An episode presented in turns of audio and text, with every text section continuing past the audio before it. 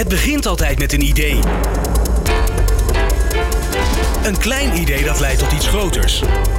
Een groot idee dat je maar niet loslaat. En dat gouden idee dat een sector op zijn grondvesten doet schudden. Dit is New Business Radio. Het radiostation dat verslag doet van bijzonder ondernemerschap. Ondernemende mensen, inspirerende gesprekken, innovaties en duurzaamheid. New Business Radio. Let's talk business. Welkom bij Nieuw Bestuur Dutch Davo. De wereld is in transitie en het tijdperk van maken, gebruiken en weggooien van lineaire groei is eindig. Simpelweg omdat we maar één planeet hebben. De beweging van lineair naar circulair is ingezet. En voor die transitie is een nieuwe manier van besturen nodig.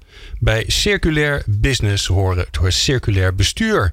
Maar hoe gaat die blauwdruk van het circulair besturen eruit zien? Wat zijn de Nederlandse invalshoeken op het gebied van circulair besturen? Wie zijn de voorlopers? De game changers binnen Nederland. Op 28 november 2019 organiseert Nieuw Bestuur de conferentie Dutch Davo. En in aanloop daarnaartoe maken wij een reeks radioprogramma's. En ondertussen zijn we bij de derde aangekomen, waarin telkens bestuurder uit één sector centraal staan. We hebben al gehad onderwijs en de business. Volgende maand is energie aan de beurt. En uh, vandaag gaat het over de zorg. En onze gasten in deze aflevering zijn Diana Monussen, voorzitter van de Raad van Bestuur van het Prinses Maxima Centrum. En Calverheijen, directeur kennis en innovatie bij de Nauber Foundation. En bij velen bekend bij mij ook. Als oud topschaatser, wereldkampioen op de 5 kilometer. En in 2005 verbrak hij het wereldrecord op de 10 kilometer. Deze aflevering van Nieuw Bestuur met al deze prachtig mooie gasten. Uh, die wordt mede mogelijk gemaakt door het FMO, de Nederlandse Ontwikkelingsbank. En we hebben ook nog eens een keer een nieuwtje vandaag. Want we hebben een fantastische uh, columnist waar ik uh, enorm naar uitkijk. Want Vincent Bijlo, de cabaretier, is onze columnist van dienst vandaag. Jeetje, Mina zegt, wat een hoop. En dat gaan we allemaal in een uur zien te krijgen. Uh, ik ben Glenn van den Burg en mijn co-host, en die zit naast me, en initiatiefnemer van uh, dit programma, is Mildred Hofkes van Nieuw Bestuur. Mildred. Gezellig, Glenn. Ja, we mogen weer, weer, hè? Ja, leuk. Wat een feest. Ja. Um, en uh, bijzonder fijn, Diana en Carl, dat jullie er zijn in, dit, in dit programma. Dat jullie de tijd hebben genomen om, ja, om, om naar Hilversum te komen. En om vanavond te praten over, over zorg, over circulair besturen in de zorg. Um, ja, laten we maar eens even beginnen bij een, bij een best wel een, een, een startvraag waarbij alles, alles open gaat, denk ik. Uh, Diana, jij werkt bij het Prinses Maxima Centrum, een bijzondere, bijzondere organisatie. Vanuit welke, ja, vanuit welke zorgvisie doe jij dat werk daar? Uh, er is maar één visie of één, één opdracht. Uh, we hebben ook een missie gemaakt en die luidt ieder kind met kanker genezen met optimale kwaliteit van leven. Dat is de opdracht die we hebben bij Prinses Maxima, die ik voel. Wij doen dit met en voor de kinderen en met en voor de ouders, met de gezinnen uh, die aangewezen zijn op, uh, op ons. Ja, dat klinkt zo logisch. Ieder kind met kanker genezen. Maar er zat nog een tweede bij, hè? Want niet alleen maar genezen. Optimale kwaliteit van leven. Want ja. het vergt nog wat. Je moet je voorstellen als uh, je kind kanker krijgt, of als een kind kanker krijgt. Een behandeling duurt niet een weekje, duurt niet een paar weken. Een behandeling duurt vaak twee of drie jaar. Het is buitengewoon ingrijpend en dan wil je toch wel heel graag dat het leven van je kind of van dat kind redelijk normaal doorgaat. En dat ouders en het gezin ook nog een redelijke normale opvang hebben. Dus ons centrum is helemaal ingericht op dat kind en op de ontwikkeling van het kind. Wij noemen het ook ontwikkelingsgerichte zorg. Misschien moet ik het wel gewoon noemen, ze kunnen doorleven. Oké, okay, dus het leven staat niet stil. Ja, het leven gaat door. En als je bij ons binnenkomt, ik ben daar heel erg trots op, dan voel je het en dan ruik je het. Als je bij ons binnenkomt, ruik je de bakkerij. Oh. Want we hebben een heel nieuw concept uh, over voeding bedacht. Samen met de kinderen en met de ouders. Om lekker en gezond te eten. Maar er wordt ook heel veel bij ons gemaakt. Het is gewoon heel goed eten. Dus het ruikt niet naar ziekenhuis? Nee, totaal niet. Niet naar steriel. Als je en... morgens binnenkomt denk je... Oh, een lekker kopje koffie. Zou ik wel een lekker broodje kunnen nemen? Maar het is allemaal zo super gezond. En we hebben een kanjakar voor kinderen. Daar kan ik straks iets over vertellen. Kanjakar met voeding. Dat moet ze uitleggen nu, hè, Mildred? Dit kunnen we niet laten gaan. Eerst nee. die kanjakar, ja, dan ben jij. Ja. Eerst die kanjakar. Wat is dat? Als, als een kind um, behandelingen krijgt met kanker, krijgt hij, krijgt hij iedere keer na een behandeling krijgt hij een kraal. Een kanjakkraal. En kinderen die rijgen die kraal, en of ze nou 18 zijn of 4, die kraal gaat hun hele leven mee. Dat kan ik je vertellen. En we weten dat kinderen uh, die zo ziek zijn, slecht eten, niet eten, whatever. Dus we hebben een kanjakar laten ontwikkelen waar zes keer per dag rondgegaan wordt met die kar. Met allemaal lekkere, gezonde hapjes. Vooral gezond, maar lekker verpakt. En ik zou je zeggen, kinderen die eigenlijk niet aten, eten weer. Maar als een kind die dag liever een kroket met friet wil, kan die het bestellen en met een uur heeft hij het. Want we willen graag dat kinderen toch lekker eten. Wauw. En die kanjaka ziet er ook een, enig uit, ziet er leuk uit. Een friet met een kroket in een ziekenhuis. Kan ook. Als op, op afroep. Op afroep. Wauw. Mildred, jij had een brandende vraag. Nou, ik zit allereerst ontzettend te genieten van ja. Het is jammer dat dit radio is, want er zit echt te stralen. En ik, ik, ik, ik vind het zo mooi, omdat ik ook weet, dat heb jij ons ook verteld, dat uh, er staat nu een fantastisch centrum. Ik ben er geweest. Ik vond het er heel fijn voelen. Heel mooi, heel licht. Um, het klopt helemaal met wat je nu, nu beschrijft. Uh, maar in 2014, toen jij daar naartoe ging, was er helemaal niks. Nee, dat was helemaal niets. Dat was uh, zeg eind 2014, begin 15 zijn we begonnen met behandelen van kinderen met solide tumoren. Dat deden we in het Wilhelmina Kinderziekenhuis. Dus daar hadden we twee afdelingen gehuurd, zeg maar. Dat was het Prinses Maxima Centrum daarin. En we hadden in het Hubrecht uh, Instituut hadden we een afdeling gehuurd voor de research. En toen Hans Klevers en ik begonnen, um, begin 15, um, ehm, ja, toen was er nul researcher. En nu hebben we 250 personen daar werken. Dus het schiet uh, enorm op. Dus dat was niks. Er was niks. En uh, jij had een hele goede baan. Lid, voorzitter van de Raad van Bestuur ja. van het Friesland. Verzekeraar. Hè? En, uh, en jij hebt gekozen of bent gevraagd? Of hoe is dat gegaan? Er was dus niks. Jij had een hele nee, goede dat, baan. Is, maar er was, er was iets aan vooraf gegaan. Dat is toch wel heel belangrijk om te vertellen. Dit initiatief om te komen tot het Prinses Maxima Centrum is een initiatief. Dat is genomen door kinderoncologen en de Vereniging van Ouders van Kinderen met Kanker. Dat is het mooie eraan. En mijn andere collega, Rob Pieters, de kinderoncoloog, hij is echt een van de initiatiefnemers van het mm. eerste uur. Dan praat ik al over tien jaar geleden. Maar je neemt een initiatief, dat initiatief gaat groeien, er komen meerdere gedachten bij. Dat wordt een, langzamerhand wordt het een business case. Ja, en dan moet het ook gerealiseerd worden. En op het moment dat het gerealiseerd moest worden, of even daarvoor, hè, want er waren nog wel wat problemen, eh, obstakels eh, uit de weg te ruimen. Ja, toen zijn eh, Hans Klevers en ik ook ingestapt. Dat is in 15 geweest. En nu staat het er. En nu staat het er. Want dat is toen ongelooflijk wij, snel, toen wij hè? binnenstapten, ja, moesten we nog uh, de zaken met de zorgverzekeraars rondkrijgen, de zaken met de banken. Gelukkig is daar altijd Kika geweest, die ons uh, ongelooflijk gesteund hebben. Die hebben heel veel geld opgehaald, steentjesactie, omdat een groot deel van het gebouw is betaald door Kika. Nou, dat is natuurlijk fantastisch. Maar alles moest beginnen. En in november 2015 hebben we getekend met de banken en hebben we getekend met degene die ging bouwen natuurlijk. Maar het begon dus allemaal bij de eenvoudige visie: alle kinderen met kanker worden genezen. Ja. Ja, die, die visie, zeg maar, die hebben wij. We hebben samen een strategisch plan gemaakt toen ik binnenkwam. En toen hebben we gezegd: ieder kind met kanker genezen. Omdat nog wel eens de discussie over ging: 80 of 90 procent is toch raar?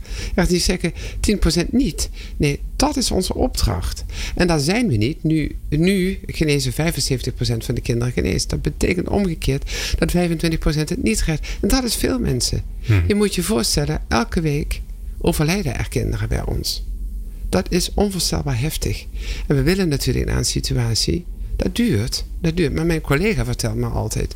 Hij is degene die expert is op leukemie. Tien jaar geleden was het sterftecijfer met leukemie voor kinderen dan ook veel lager. Dus als je maar die krachten verenigt. En vooral het samengaan tussen uh, de research op de wijze zoals wij doen. En de zorg. En uh, de academy, de opleiding. Ja, dat maakt dat je stappen vooruit komt. Ik geloof dat dus heilig. Ja, mooi. En dat is zo mooi, want jij gelooft er zo in. Want wat wij, waar wij natuurlijk naar op zoek zijn, jij hebt iets gebouwd, je hebt laten zien hoe dat werkt. Wij zijn, we weten ook dat, je, dat het heus niet allemaal makkelijk ging en dat er veel weerstand was, hè? Toch? Jazeker. Waar zat die weerstand? De weerstand zit altijd bij, laat ik maar zeggen, uh, wel begrepen eigenbelang uh, van mensen. Uh, er waren zeven academische huizen en die moesten iets gaan afstaan. Dat is niet gemakkelijk. En je moet je vervolgens ook afvragen, als er zo'n nationaal centrum komt, wat er nu is, dan zit in de achterhoofd van mensen natuurlijk ook, kan dat niet ook op andere vormen van zorg, zou dat niet ook moeten? Ik denk van wel.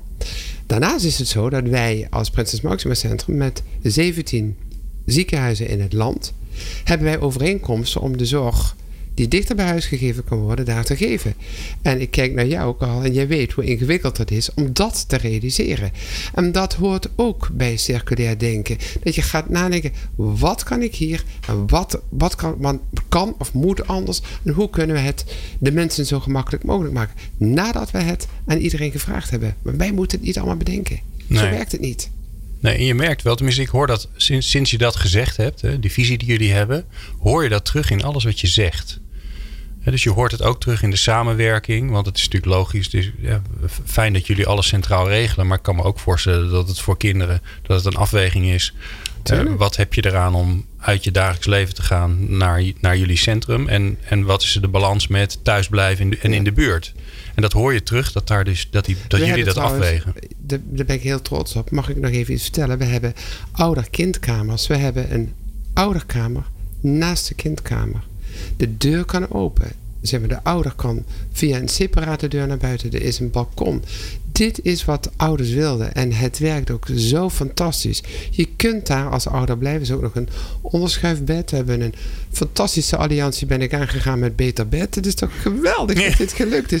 Nou, dit is zo mooi. En dat konden wij niet bouwen, zeg maar, als we ons alleen hadden verlaten op geld van de zorgverzekeraar. Die prima is voor de zorg. Maar hier hebben we ja, geld moeten ophalen bij allerlei partijen om dit te kunnen realiseren. Maar dat hoort ook bij je visie. Ja. Om dat te realiseren. Ja, mooi. Carl, ja, jij zal heel vaak uh, eerst weer moeten vertellen hoe je van schaatser, dat je ook nog, dat je ook nog een ander leven hebt gehad en een ander leven hebt. Uh, ik heb gelezen dat jij medicijn hebt gestudeerd. tijdens je schaatscarrière, volgens mij zelfs. Um, en, um, en nu hou je je heel erg met, met zorg bezig. Wat, als jij naar de zorg kijkt, wat, hoe, hoe kijk je daarnaar? Wat is jouw visie daarop?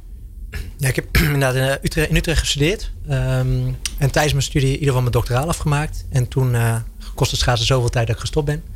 Uh, ik heb meer over gezondheid dan zorg. Want ik denk dat we in Nederland de zorg heel goed georganiseerd hebben. Zieke mensen beter maken als we wat eerst goed kunnen repareren. Dat doen we heel goed in Nederland. Een van de beste van de wereld. Maar waar ik me wel zorgen over is maak dat we zoveel mensen hebben die een ziekte hebben. Dat we eigenlijk vergeten ook om aan gezondheid te werken. En we zijn bezig om te kijken of je dus, als je anders denkt naar ziekte en zorg, dat je daarmee dus ook andere verdienmodellen kan krijgen, de schotten weg kan halen, iets met preventie kan doen. En daar dus uiteindelijk meer gezondheid creëert in de wijk, in de buurt waar je met elkaar leeft. Ja, en het mooie is, als ik dan, dan eh, naar, naar de visie van Diana luister en naar jouw visie, dat is zo logisch en eenvoudig eigenlijk. Maar zo lastig, want we zijn er nog lang niet, hè? Nee, dat klopt. En um, ik heb natuurlijk het voordeel gehad dat ik 15 jaar uh, rondjes heb mogen schaatsen. En dus niet zoals al mijn vrienden uh, arts of orthopeed of uroloog zijn geworden. Uh, dus ik kan me nog steeds verwonderen over hoe we met elkaar de zorg georganiseerd hebben. En nogmaals, dat doen we hartstikke goed. Maar als we iets meer gezondheid kunnen creëren, ja. um, nou, daar, daar wil ik me heel graag voor inzetten. Dus ik denk dat je naar beide systemen moet. Ja, Oh, naar beide. Dus je hebt niet zoiets van dat ene is verkeerd, maar er moet iets naast. Nee, als je ziet hoe wij de huisartsenzorg in Nederland georganiseerd hebben, de spoedeisende hulp georganiseerd hebben. Als je ergens ter wereld een ongeluk krijgt, dan is het, kan het beter in Nederland gebeuren dan in welk land uh, waar dan ook. Ja. Alleen ik denk dat we wel vergeten zijn om ook vroegtijdig in te kunnen grijpen. Of te kijken welke effecten leefstijl hebben op onze uiteindelijke ziektes. Ja, en daar zou veel meer aandacht en energie in moeten uh, gestoken worden, denk ik. Ja, wat voor aandacht en energie? Uh, vanuit universiteiten, vanuit onderzoek, vanuit uh, data. In Nederland slaan we eigenlijk alleen maar de data over ziekte op. van wat hebben we nodig om te kunnen declareren en te kunnen verantwoorden wat we doen. En ik ben natuurlijk, kom vanuit de sport en we sloegen alleen maar data over om goed te presteren en goed te performen en gezond te zijn. Nou, en die switch die, eh, die mag in de zorg zeker nog gemaakt worden. Ja, Karel, dat betekent ook dat je hele goede voorbeelden, dat die veel beter gezien zouden moeten worden in Nederland. Want er zijn natuurlijk, er is een aantal goede voorbeelden. Maar het lijkt wel alsof iedereen opnieuw het wiel moet uitvinden. Terwijl er zoveel goede dingen al gebeuren. Maar het moet gaan over die preventie. Alles is al een keertje verzonnen en een keertje bedacht. Alleen het stopt vaak na twee, drie jaar als iemand weggaat of het potje met geld is op. En die duurzaamheid daarin brengen, ja, daar streven we volgens mij allebei naar. Ja. En wat speelt, uh, want dat hoor je natuurlijk ook vaak, de, het verdienmodel binnen de zorg. Daar heb jij ook wel eens wat over verteld, Carl. Dat eigenlijk elke patiënt is een verdienmodel. Um, in een beetje plat gezegd. Een arts verdient eraan, een medicijnenfabrikant verdient eraan. Is het, zijn dat de impulsen waar je op doelt dan? Ja, ook een deel. Kijk, dat is een heel mooi systeem. Hè? Want als zorgverlener, of je nou huisarts bent of fysiotherapeut, je wil graag mensen verder helpen, gezonder maken. Je bent hulpverlener, zorgverlener. Alleen, um, ik heb wel eens in Nijkerk, waar ik ooit gewerkt heb, de vraag gesteld van... we hebben, elk jaar krijgen we 120 mensen met diabetes erbij. Waarom vraagt niemand aan mij, krijgt er maar volgend jaar maar 100 of 80? Omdat het verdienmodel op minder mensen die ziek zijn er eigenlijk niet is. Wat we met elkaar doen is zo effectief en zo goed mogelijk de mensen die ziek zijn herstellen en, en, beter maken. Maar eigenlijk wil je voorkomen dat mensen ziek worden. Je zou dus anders moeten belonen. En dan moet je ze anders belonen. Veel meer naar een populatiebekostiging of veel meer kijken naar de inspanningen juist ook op gezondheid. Bestaat dat ergens in de wereld? Gelukkig wel. Uh, in Finland zijn projecten bezig. Uh, in de regio Barcelona gebeuren dat soort dingen. In het oude India werden huisartsen eigenlijk betaald voor het in stand houden van gezondheid. Dat doen ze ook niet meer. Oh. Uh, maar langzamerhand komt dat zeker. In Engeland zijn ze goed mee bezig, NHS. En in Amerika zijn er zorgverzekeraars die eigenlijk voor de hele populatie verantwoordelijk zijn. Ja, en die stappen stoppen heel veel geld in voorlichting, in ander gedrag en in preventie. We hebben gehoord wat de, de visies zijn van uh, Carl Verheijen en, en van Diana Monussen. Uh, straks ga ik aan ze vragen. Ja, en dan vervolgens moet je dat in de praktijk brengen. En waar loop je dan tegenaan? En dat hoor je zo. New Business Radio. Business Radio. Ondernemende mensen, inspirerende gesprekken.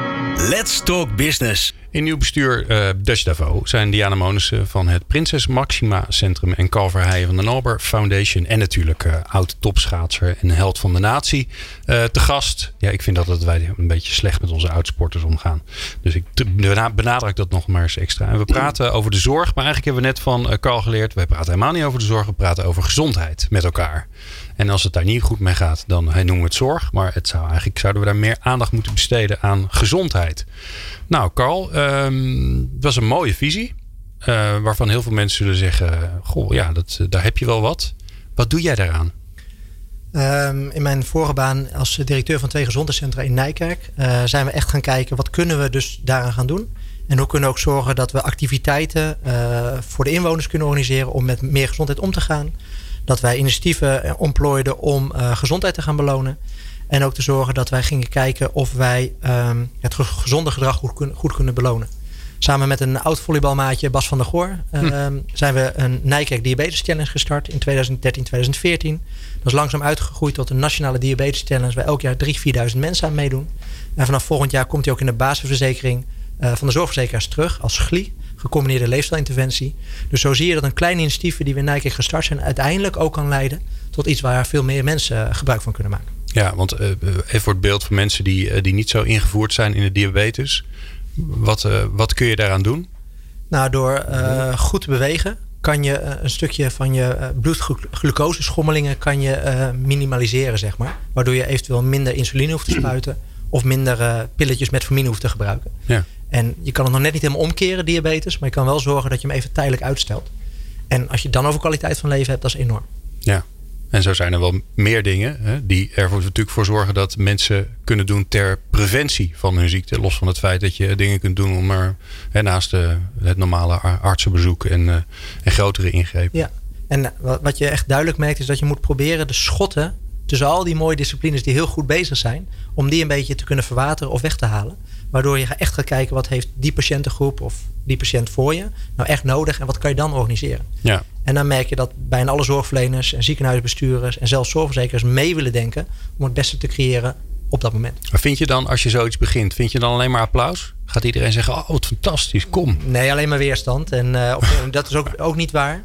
Maar waar ik altijd geleerd heb, is dat je de bedoeling naar voren moet halen. Waarom doe je dat en hoe, waarom wil je meer gezondheid creëren? Daar is eigenlijk niemand op tegen.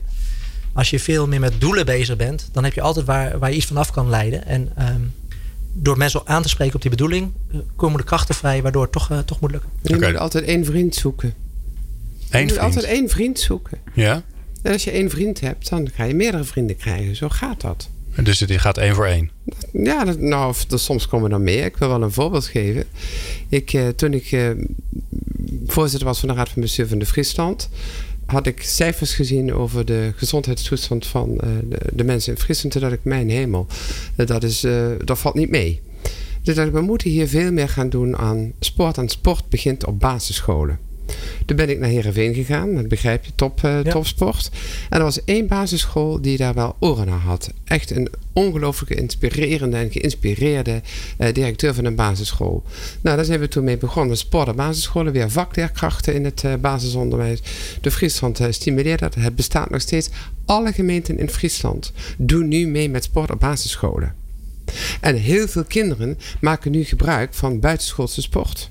Wat men niet meer deed. Dus je moet één vriend hebben en dan maar doorgaan. Er was elk jaar in Friesland was het sportgala. Allemaal eh, schaatsers enzovoort eh, kwamen. En daar gingen we een prijs uitreiken voor de school of de gemeente. Het was een verbinding van school en gemeente. Het beste deed. Nou, uiteindelijk wilde iedereen daarbij horen. Je was een loser als je er niet meer bij hoorde. Nou, dus zo hm. kan je ook dus positief duwen. Zie alleen maar trekken, ook duwen. Maar Diana, jij was daar uh, voorzitter van de Raad van Bestuur van de Friesland Verzekeringen. Ja. En ik hoor jou zeggen, dus ik ben naar een basisschool gegaan. Ja. En ik heb, ben daar met iemand gaan praten. Zeker. Maar dat, dat doe jij dus. Dat deed ik dus, ja. En uiteindelijk maar dat, vond ik dat is natuurlijk niet normaal, hè? Weet ik niet Jij vindt dat normaal. Ik vind het normaal. Maar ik denk niet dat er heel veel voorzitters van raden bestuur, van bestuur zijn die iets signaleren en dan vervolgens in de auto stappen of op de fiets. En die dan naar een basisschool gaan om een, om een bondgenoot te zoeken. Ja, die vond Toch? ik wel. nou, eigenlijk is het best, je, je hebt denk ik gelijk, maar het is best een bijzondere constatering. Want dat is denk ik een van de, van de eerste stappen van het circulair besturen. Dat je, de deuren en de ramen opengooit en je kijkt kunt namelijk vanuit je positie... kun je dat beginnetje nou zo mooi maken. En dan kun je gaan bedenken, hoe kan ik dat stimuleren? En dan gaat het vanzelf verder. Dan hoef je, niet meer, hoef je niet meer zoveel te doen. Een aantal goede ideeën. Maar het moet ergens... Jij kunt het beginnetje maken. Je bent in de positie om dat beginnetje te maken. Maar wij zijn natuurlijk hier op zoek naar... we noemen het circulair besturen. Nou, dat is een, een term. En wij zijn aan het kijken, wat is dat dan?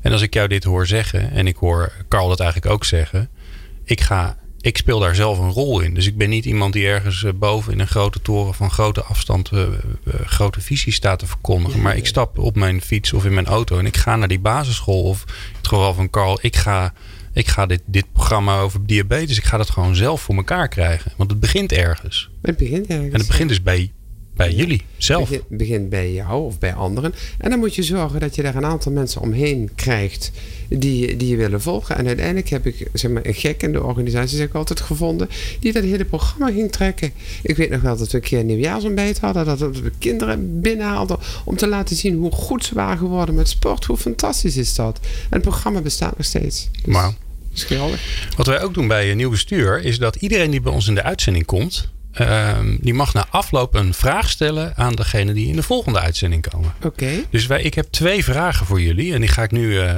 eerst één voor één hoor. Dus uh, het wordt niet heel, heel spannend. Ehm, ik, ga, ik heb een vraag van Jet de Ranits. Zij is voorzitter van de Raad van Bestuur van Hogeschool in Holland. En die, die gaat jullie een vraag stellen. En dan daarna ga ik jullie vragen om daar natuurlijk antwoord op te geven. Daar komt ze. Ik ben Jette Ranits. Ik ben bestuursvoorzitter bij Hogeschool in Holland. En mijn vraag is de volgende. Als mensen ziek worden of gebreken krijgen, dan kom je heel snel in een afhankelijkheidsrelatie terecht uh, in de zorg. Terwijl je dat eigenlijk niet wil. Je wil zo lang mogelijk regie houden over je eigen leven en uh, zelf keuzes kunnen maken. En mijn vraag is hoe wij de zorg zo zouden moeten inrichten dat we maximaal bijdragen aan het nemen van regie uh, door ons. Wij die ze nu en dan eens wat hebben of misschien wel chronisch ziek zijn en ons eigen leven kunnen blijven bepalen. Nou, dat was ze. Carl? Zal ik uh, aftrappen? Ja, begin jij eens. Kijk, mijn verwonderingen ook in de zorg toen ik uh, na al die rondjes schaatsen weer in, in de gezondheidscentra kwam, is dat wij zijn heel erg aanbod gestuurd in Nederland. Dus vanuit het aanbod kunnen wij bepalen wat er allemaal nodig is. En dat hebben we heel mooi en efficiënt allemaal geregeld. Terwijl dit er eigenlijk meer gaat over wat is de vraag aan de andere kant. En hoe kan je daar dan als zorg bij aansluiten om het goede antwoord te vinden zit wel een kanttekening over. Want iedereen kan zelf regie nemen. Als je echt heel erg ziek bent of je hebt een zwaar ongeluk gehad of je bent behoorlijk uh, veel dementie. Dan is het altijd lastig om wel die zelfregie te nemen. Maar als het maar enigszins kan, dan moet je eigenlijk wel kijken of je daar gezamenlijk uit kan komen. Ja. Dat betekent een iets andere houding vanuit de professionals. Iets andere houding om te kijken wat de beste keuzes kunnen zijn in dat geval. Carl, ik heb even een vraag. Want we hebben het natuurlijk nu over hoe het zou moeten zijn. Maar vind jij dat wij daarheen bewegen? Of vind je, als je naar Nederlands gezondheidszorg kijkt, gaan, gaan we goed? Ik vind dat we die kant langzaam de goede kant op gaan. Dat geloof ik echt. Uh, een jaar of vier, vijf geleden mocht je het woord preventie niet eens noemen. Uh, zelfregie heb je nu veel. Je hebt veerkracht. Uh, maar zelfregie of zelfmanagement is wat anders dat je er niet uitkomt en het over de schutting heen gooit en maar hoopt dat iemand het opvangt. Het gaat echt om dat je gezamenlijk gaat kijken wat daar nodig is. Uh, je hebt de beweging positieve gezondheid, waarin je dus veel breder kijkt naar alleen het fysieke en mentale, maar ook naar het zingevingsgedeelte en het samen, het sociale. Dus je ziet langzaam wel dat dit soort theorieën uh, in zoen komen. Maar of het echt zo werkt op de patiënt, uh, zorgverleners contactmoment, daar hebben we nog wel wat jaren voor nodig. En vind je ons een voorbeeldland daarin? Uh, vind ik een lastige, omdat ik daar nog niet heel veel van de, van de, van de buitenlandse situaties van ken. Nou, ik kan er wel wat over zeggen. Ik uh, denk dat we te langzaam daarheen bewegen. Dat, hè, waarom bewegen we te langzaam? En dat weet jij ook, weten we allemaal hier in deze tafel, omdat de kosten ook de pannen uitreizen. Het is niet zo heel moeilijk om in de buurlanden te gaan kijken. Uh, in Duitsland wordt er echt heel veel minder geld uitgegeven aan de ouderenzorg. Wordt er veel meer gezorgd dat mensen veel langer in hun eigen omgeving kunnen blijven. Dat is zo ingewikkeld niet om te gaan kijken. Ik bedoel, je noemde net al de NHS. Daar valt een heleboel op aan te merken. Maar een aantal zaken zijn ook wel heel positief. Ga naar België kijken. Ja, daar vind ik het weer heel ouderwets. Daar, daar hebben ze heel veel uh, verpleeg- en bejaardenhuizen. Het heet daar anders. Dat willen we niet. Maar ik denk dat we eigenlijk veel meer reclame zouden moeten maken voor die andere visie. Ik bedoel, ik heb ook gedacht, wat, hè, ik krijg straks misschien en nog welke een vraag. visie bedoel je dan? Een, een visie dat mensen, dat jij ook als jij beperkingen hebt, echt in staat bent om je eigen leven in te richten. Ook die gezinnen en kinderen met kanker die bij ons komen, die moet je helpen om hun leven verder vorm te geven. Ook de diabetes of de mensen met uh, dementie. Er is zoveel equipment op dit, op dit moment. Hè. Uh, allerlei uh, digitale zaken die mensen kunnen helpen. We doen het veel te weinig. We zijn nog maar steeds aan het praten en het schiet gewoon heel erg weinig op. En zit, zit daar misschien ook gewoon in de, in de überhaupt de naam van jullie sector iets verkeerd? De zorg? Want daar zit ook iets in van, oh het gaat niet goed, kom maar hier. We gaan ja. wel voor je zorgen. Dus je hoeft niet meer zelf dingen te doen. Ja. We nemen het wel bij je weg. Kijk, we zijn opgeleid om uh, in het diagnostisch receptmodel te gaan werken. Dus iemand heeft een klacht, dus we gaan zoeken wat er mis is en dat gaan we proberen op te lossen. Dat doen we natuurlijk hartstikke goed. Maar daar zit misschien wel de kern. Dus dat we altijd op zoek zijn naar iets wat niet goed gaat. In plaats van dat we kijken hoe iemand gewoon gezond kan leven. Met of zonder beperkingen. Ja. En die omslag, dat andere denken, dat moet de basis zijn die veel sterker naar voren mag komen. Maar ik voel in ieder geval dat er nog niet echt urgentie is bij heel veel bestuurders in Nederland om er nu te veranderen. Ik heb nog niet het gevoel dat andere mensen denken dat het 5 voor 12 is. Kijk, volgens mij weer, wij dat allebei wel nee. Dat, dat, dat, ik vond het al een, zeven jaar geleden of tien jaar geleden vond ik het al 5 voor 12. Dat ik dacht, dit, dit kan gewoon zo niet doorgaan. Dit moeten we ook niet willen. Als je kijkt hoe oud we worden en hoe zelfstandig we willen leven. Uh, ik bedoel, iedereen kan een hypotheek afsluiten, verhuizen, weet ik veel wat doen. Mensen kunnen hier ook zelf over beslissen. En we moeten hen helpen. En ik weet niet hoe het op dit moment in de opleidingen zit. Hè, de opleidingen voor, uh, voor welke tak van sport dan ook in de gezondheidszorg. Maar um, ik weet niet of het woord gezondheid prevaleert. Of dat de term positieve gezondheid prevaleert. Het zit heel erg in het woord zorg. En daar moeten we naar gaan kijken hoe we dat ook in die opleiding anders kunnen doen. En daar heb ik nou een hartstikke mooie vraag over van onze tweede gast van vorige keer. Uh, dat is namelijk Helma van der Hoorn. Zij is uh, uh, directeur van de Sax Basisscholengemeenschap. dus echt, nou ja, de ki kinderen als, als ze nog echt super lief zijn. Um, en uh, die heeft daar eigenlijk een vraag over, dus daar gaan we even naar luisteren. Mijn naam is Helma van der Hoorn. Ik ben uh, bestuursvoorzitter van SAX, een basisscholengemeenschap in Alkmaar. En ik heb de volgende vraag.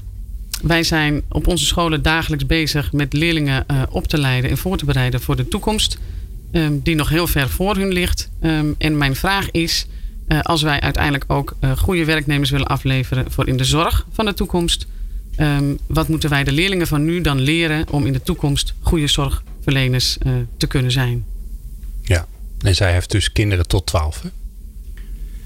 Ja, ik geloof dat we veel sterker moeten appelleren op deze groep. Dat ze de levenskunsten, hè, dus wat is belangrijk over zingeving, over sociale contacten, over slaap, over energie, over, over voeding, mee kunnen geven. Er komt allemaal een puberteit achter dat ze het allemaal gaan vergeten. Maar je hoopt -huh. dat ze daarna wel weer die kennis ook behouden. Maar wat gelukt is eigenlijk met um, de groene energie. Als ik nu op straat loop en ik laat iets vallen, dan zeggen me een van mijn dochters: uh, oprapen, daar is een prullenbak. En dat is standaard, dat is normaal geworden. ik hoop dat we dat met gezondheid ook kunnen gaan doen. Oké. En dat we ze ook leren zeg maar, op die scholen. Niet alleen hè, dat ze moeten bewegen. Maar dat, er ook, uh, dat ze ook met oudere mensen, met allerlei mensen in de wijk. Dat ze daar uh, voor mijn partijtjes voor kwijt. Zo weet ik wat gaan doen. Maar dat, uh, okay. dat het samen moet. Want we worden zo oud. Die, samen, die samenhang is heel belangrijk. Ja. ja. Mooi. Um, we gaan straks naar de column van Vincent Bijlo cabaretier. En die zit hier in de studio. Die is zo fantastisch geweest om naar de studio te komen. Om hem hier live uh, voor de microfoon te doen. Uh, en daarna praten we verder met uh, Diana Monussen en Carl Verheijen. En dan gaan we een beetje naar de toekomst kijken. En dat hoor je zo. Let's Talk Business op Nieuw Business Radio. Ja, we hebben bij een nieuw, uh, nieuw bestuur, Dutch Davo, uh, uh, elke uitzending ook een columnist. En nou, we zijn natuurlijk altijd blij met de columnist. Maar ik mag toch wel eerlijk zijn dat we een beetje extra blij zijn dat Vincent Bijlo in de studio is. cabaretier. Nou ja, dat is het voordeel als je een bekende cabaretier in de studio hebt. Dan hoef je niet zoveel aan uit te leggen. Vincent, je hebt een mooie column geschreven. Wij zijn heel benieuwd. De groep om verandering in ons denken en ons handelen wordt steeds luider. En dat komt door veranderingen. In het klimaat bijvoorbeeld. Er zijn nog steeds mensen die daaraan twijfelen. Die zeggen, ondanks dat vrijwel alle wetenschappers ervan overtuigd zijn dat het verandert. Die zeggen nog steeds, wetenschap is ook maar een mening. Terwijl als wetenschap iets niet is, dan is het een mening. Mensen die van mening zijn dat wetenschap ook maar een mening zijn, die vind ik behoorlijk dom. Dat is mijn mening en dat is ook maar een mening. Transitie. Het oude verdwijnt. Langzaam soms het CDA. Of snel soms de PVDA. Je ziet het overal. Het verdwijnt. Je ziet overal de tekenen. De, de kijkshop is failliet gegaan dit jaar, bijvoorbeeld. Dat was van het gezellige, analoge, ouderwetse surfen. Met onze ogen surften wij langs, tenminste jullie dan, surfden jullie langs de vitrines met mooie spullen. Het was analoog surfen. Heel in internet is nu één grote kijkshop geworden. Dingen veranderen. Je ziet het overal. En ik heb het hier niet over Zwarte Piet. Laten we het daar nou toch niet over hebben. Neem toch een, gewoon een voorbeeld aan ons op dat blinde instituut. Daar was die hele Zwarte Piet totaal geen issue. Vroeger was er gewoon veel meer vanzelfsprekend. Een J.P. Koen bijvoorbeeld, dat was gewoon een toffe peer, want die was van de VOC. Dat was een held en die deugde per definitie. Maar je had natuurlijk gewoon geen reden om aan te nemen dat dat niet zo was. En toen kwamen de vragen. Toen kwam de vraag, wat deed die Koen dan eigenlijk wel precies? Of wie herdenken wij op 4 mei? Vroeger ging het gewoon allemaal zo als het ging. Dat was in de tijd van God. En die hebben wij vervangen door 4G en binnenkort 5. Vroeger, vroeger was het antwoord op waarom heel vaak daarom. En nu zeggen wij: daarom is geen reden. Als je met de traplift gaat, ben je sneller beneden. Dus blijf maar thuis wonen. De tijden veranderen dus. En wij veranderen met die tijden mee. Waarom? Dat moeten we ons bij alles afvragen. Waarom? Waarom gingen dingen zo? Waarom gingen dingen vroeger zo? En kan het niet anders? Kan het niet handiger? Kan het niet beter? Bij het klimaat, bij het onderwijs en bij de zorg. Waarom is ons zorgsysteem gebaseerd op cijfers en targets? Waarom is zorg vaak zo klinisch? Ik was laatst bij een congres van een zorginstelling. En er was een lancering van nieuwe kernwaarden. Die heb ik ook met de hele zaal nog eh, in ons hoofd gestampt. Dat moet je dan natuurlijk doen. Er was ook een nieuwe leus. En die leus luidde: Bij ons staat de mens centraal. En ik dacht dus, dat was al die tijd niet zo. De mens was een klant. De mens was een klant die een product afnam. Terwijl de mens die zorg nodig heeft, sorry voor het woord, Karl. De mens die zorg nodig heeft, is veel meer dan dat. Circulair besturen in de zorg is dat de mens geen object is die langs afdelingen wordt geleid en waar een beetje in gesneden wordt en wat schroefjes aan worden gedraaid. Die wordt bestraald en dan een zak medicijnen meekrijgt en dan zeggen ze dat de volgende keer. De zorg moet de mens als geheel zien. En ik ben zo blij, Diana, dat dat bij jou gebeurt. De mens is meer dan zijn of haar ziekte of handicap. Zorg is zo verschrikkelijk vaak pleisters plakken, symptoombestrijding. Pillen zijn heilig, ons land draait op pillen. 1 miljoen mensen in Nederland slikt antidepressiva. Wij zijn zo verdrietig gelukkig. We lopen vast in oude structuren. Schaf de BTW op groente en fruit af. Verzin een vettax. Preventie, dat moet er komen. Het zou miljarden kunnen uitsparen in onze zorgkosten. Zie de mens in zijn context. Geef de mens ook meer verantwoordelijkheid. Niemand is een eiland. De mens niet en ook de specialist niet. Ontschotten, dat moet het woord van 2018 worden. Wij leven in een geweldige tijd Doe daar je voordeel mee. Wauw. Ja, mag, je mag, ja, Mildred wil klappen, maar het mag hoor. Het mag. Wauw. Dames en heren, uh, Vincent Bijlo. Vincent, prachtig en fantastisch. Let's Talk Business. Op Nieuw Business Radio. Praat mee via @nieuwbusradio_nl. Ja, en dan moet je altijd even diep ademhalen naar zo'n prachtige column. Uh, en ook hier in de studio. Want uh, wij uh, zijn in gesprek met Calver Heijen en met Diana Monussen. Ja, ik kan toch niet anders laten dan zeggen... wat doet dit dan? Zo'n mooi verhaal, zo'n zo'n oproep, Diana. Ja, dat past eigenlijk in de lijn van, van mijn eigen denken. En ik vind het geweldig dat iemand dat op die manier kan doen. Doet me wat. Prachtig. Ja. Ja, past precies van waar wij tegenaan lopen. Wat, wat je doet, wat je ziet. Alleen wij kunnen dat niet zo mooi verwoorden zoals Vincent dat Ja, ja. ja. Ieder zijn vak. Ieder zijn vak, ja. Ik wou net zeggen, ja. Ieder zijn vak. Um, het is 2030. We zijn 12 jaar verder. We zijn ook 12 jaar ouder. Dat is nog wijzer. Dat is hartstikke mooi. Uh, wat is er veranderd, Diana, in de zorg? In de gezondheid? Moeten we eigenlijk zeggen, van Carl. Um, dan zijn er minder ziekenhuizen zoals we die nu kennen. Dan zijn er veel meer centra waar mensen uh, heen gaan om te sporten of voorlichting te krijgen over hun voeding. Dan uh, is er een bewustzijn op uh, alle basisscholen en middelbare scholen hoe er gesport moet worden en hoe er gegeten moet worden. Dat er vooral niet gerookt mag worden. En dat het roken eindelijk de wereld uit is. Hmm. Um, dan hebben we een aantal specialistische centra waar mensen naartoe gaan voor topzorg en top research. Um, en dan um, zorgen wij dat, uh, is, het, is het zover dat mensen die op hoge leeftijd zijn, echt thuis kunnen blijven. Zo lang mogelijk met de goede uh, middelen om hen heen. Want er zijn fantastische voorbeelden uh, gemaakt. Je kunt zelfs mensen die dementeren iets meegeven. Dat ze ja, een straatje omgaan en als ze een beetje weglopen. Kan je natuurlijk zien op je telefoon. Er is zoveel te ontwikkelen.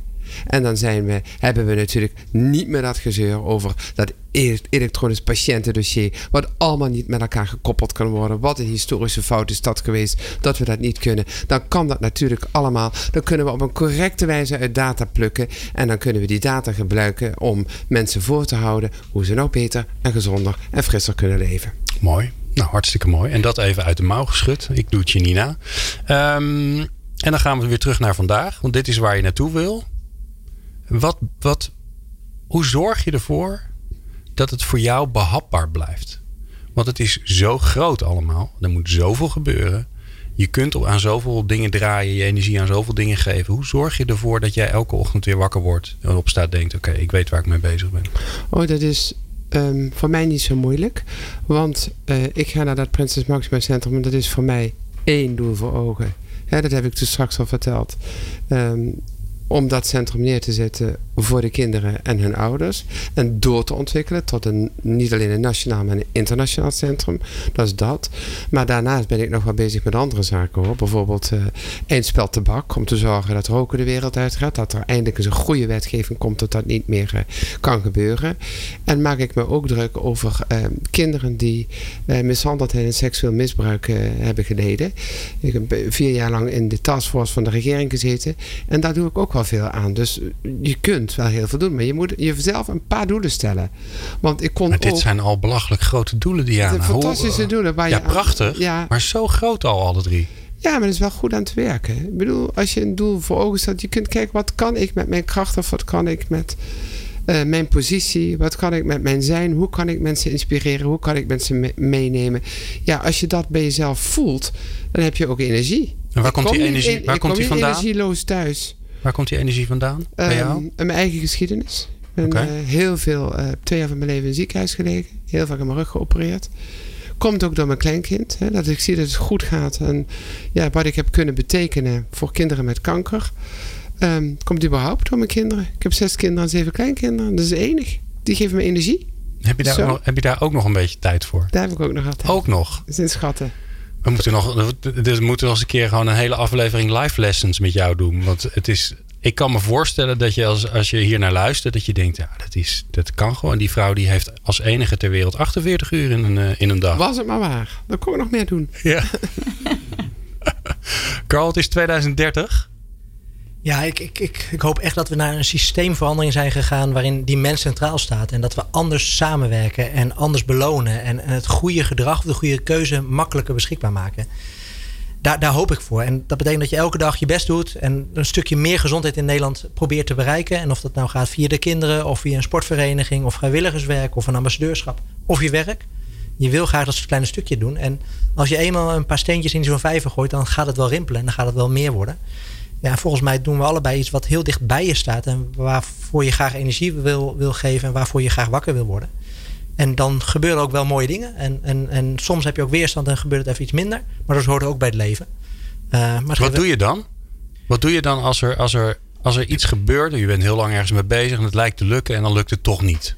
Nou, dan ga je wel uh, in een analytische modus komen van waarom komt dat dan en welke, wat zijn de tegenkrachten en wat heb ik zelf fout gedaan. Als topsporter ben je altijd bereid om naar jezelf te kijken en ook goed te luisteren naar wat je verkeerd hebt gedaan of wat anderen daarvan zeggen. Maar als je het goede als, als einddoel hebt, dan, dan heb je weinig uh, vijanden daarin. Alleen de manier waarop. Ja, je komt soms wel bij heilige huisjes of bij verworven rechten. En die moet je langzaam naar een, in een transitie naar een nieuwe wereld brengen. En uh, dat is verbinden, dat is praten. Uh, maar het goede blijft wel voorop staan. En wat heb jij geleerd als topsporter hè, in, die, in die carrière waar je nu heel veel baat bij hebt? Ja, voornamelijk het doorzettingsvermogen. Uh, ik ben ooit gaan, gaan schaatsen terwijl ik uh, ook geneeskunde verder had kunnen studeren. En iedereen zegt van ja, je weet niet hoe, hoe, goed je gaat worden en of je het wel commercieel kan redden en allemaal. Word lekker arts en dan, dan heb je een goed leven voor de rest van je leven. Maar ik heb altijd wel mijn, mijn, mijn idealen nageleefd. En dat doorzetten en vertrouwen hebben dat wat jij goed doet, dat dat, dat ook wat oplevert, dat, uh, dat heb ik gelukkig wel kunnen overnemen. Ja, ja maar ik kan me voorstellen dat je, dat je ook wel eens ochtenden wakker werd met pijn in je lijf. En dat je dacht, nou, vandaag zou ik het ook niet heel erg vinden om eens een keer niet die trainingsrondjes te nou, Dat is dus het grappige. Nu ik gestopt ben, kan ik me niet meer voorstellen hoe ik al die training heb kunnen doen en, en 7, 8 uur per dag aan het trainen was. Terwijl als ik uh, aan het trainen was, denk ik dat ik één keer per jaar een keertje misschien minder zin had. En dat is, dat is heel mooi, dus dat je zo dicht bij je passie zit. En ik heb ook sinds ik nu acht jaar geleden gestopt ben, nog niet het gevoel heb gehad dat ik echt werk. We maken heel veel lange dagen. Tenminste, ik kijk naar mezelf, maar ik weet dat Diana dat ook doet. Maar dan voelt het niet als werken, terwijl je wel heel veel uren in deze job steekt. Mooi. Hoe blijf jij fit, Diana? Um, die kinderen is natuurlijk heel erg leuk. Daar moet je heel veel mee wandelen. Ja, ik, ik, ik, ik kan niet uh, zeg maar rennen, zou ik maar zeggen. Maar ik loop veel. Ik loop elk weekend veel. Ik zwem bijna elke dag. Oh. Um, ja, ik, ik, ik, woon redelijk in het bos. Dat vind ik fijn. We hebben, mijn man heeft een huis in Frankrijk gebouwd waar we met z'n allen kunnen zijn. En dan ga ik ook tussen de wijnvelden lopen. Wat jij zegt, nadenken. Heb ik het goed gedaan? Wat had ik anders kunnen doen? Analyseren, vooruitblikken. Ja, dat. Daar blijf je fit. Ja. Denk ik. Mildred, is er iets, nou ja, is natuurlijk, eh, er is altijd heel veel wat nog niet besproken is, wat we wel hadden moeten doen. Maar jij, er is nog ruimte voor één vraag. Nou, uh, vorige keer, we hebben natuurlijk al twee uitzendingen gemaakt. Dit is de derde. En we zijn natuurlijk op zoek naar het puzzelstukje steeds weer van hoe dat eruit kan gaan zien. En iedereen draagt daaraan bij. En ik heb een soort wrap-up gemaakt van wat we vandaag besproken hebben. En dan oh. kort zeggen. En dan oh, hoop ik dat jullie dat met me delen of dat er nog aanvullingen zijn de eerste, uh, zeg maar, die ontzettend is blijven hangen, is die heldere visie met doelen. Durf dan ook echt een doel te stellen en dat uit te spreken en daarvoor te gaan. En dat hebben jullie allebei heel duidelijk uh, voor je ogen. Je hebt altijd één vriend nodig. Dat vond ik ook zo mooi, want na, na die ene vriend komt de rest, hè, of komen er meer in die partnerschappen. Uh, wat ik ook een hele mooie vond, was over uh, het antwoord op de vraag van Helma van Hoorn over de kinderen. Op scholen leren hoe belangrijk slaap is, hoe belangrijk uh, je go goede energie is. Dat kinderen ook goede energie kunnen geven aan elkaar en hoe dat werkt. En, um, en ook wat gezondheid is. En dan komen we bij het woord van Vincent. Ontschot, ontschotten is het woord van 2019. Volgens mij is dat ook een hele belangrijke. Dat we van die schotten afkomen die we maar hebben hè, tussen al die sectoren en tussen in, binnen de sectoren ook tussen afdelingen enzovoort. En de laatste die ik heb opgeschreven. Uh, als je het goede voor je hebt, dan kom je weinig vijanden tegen. Oh.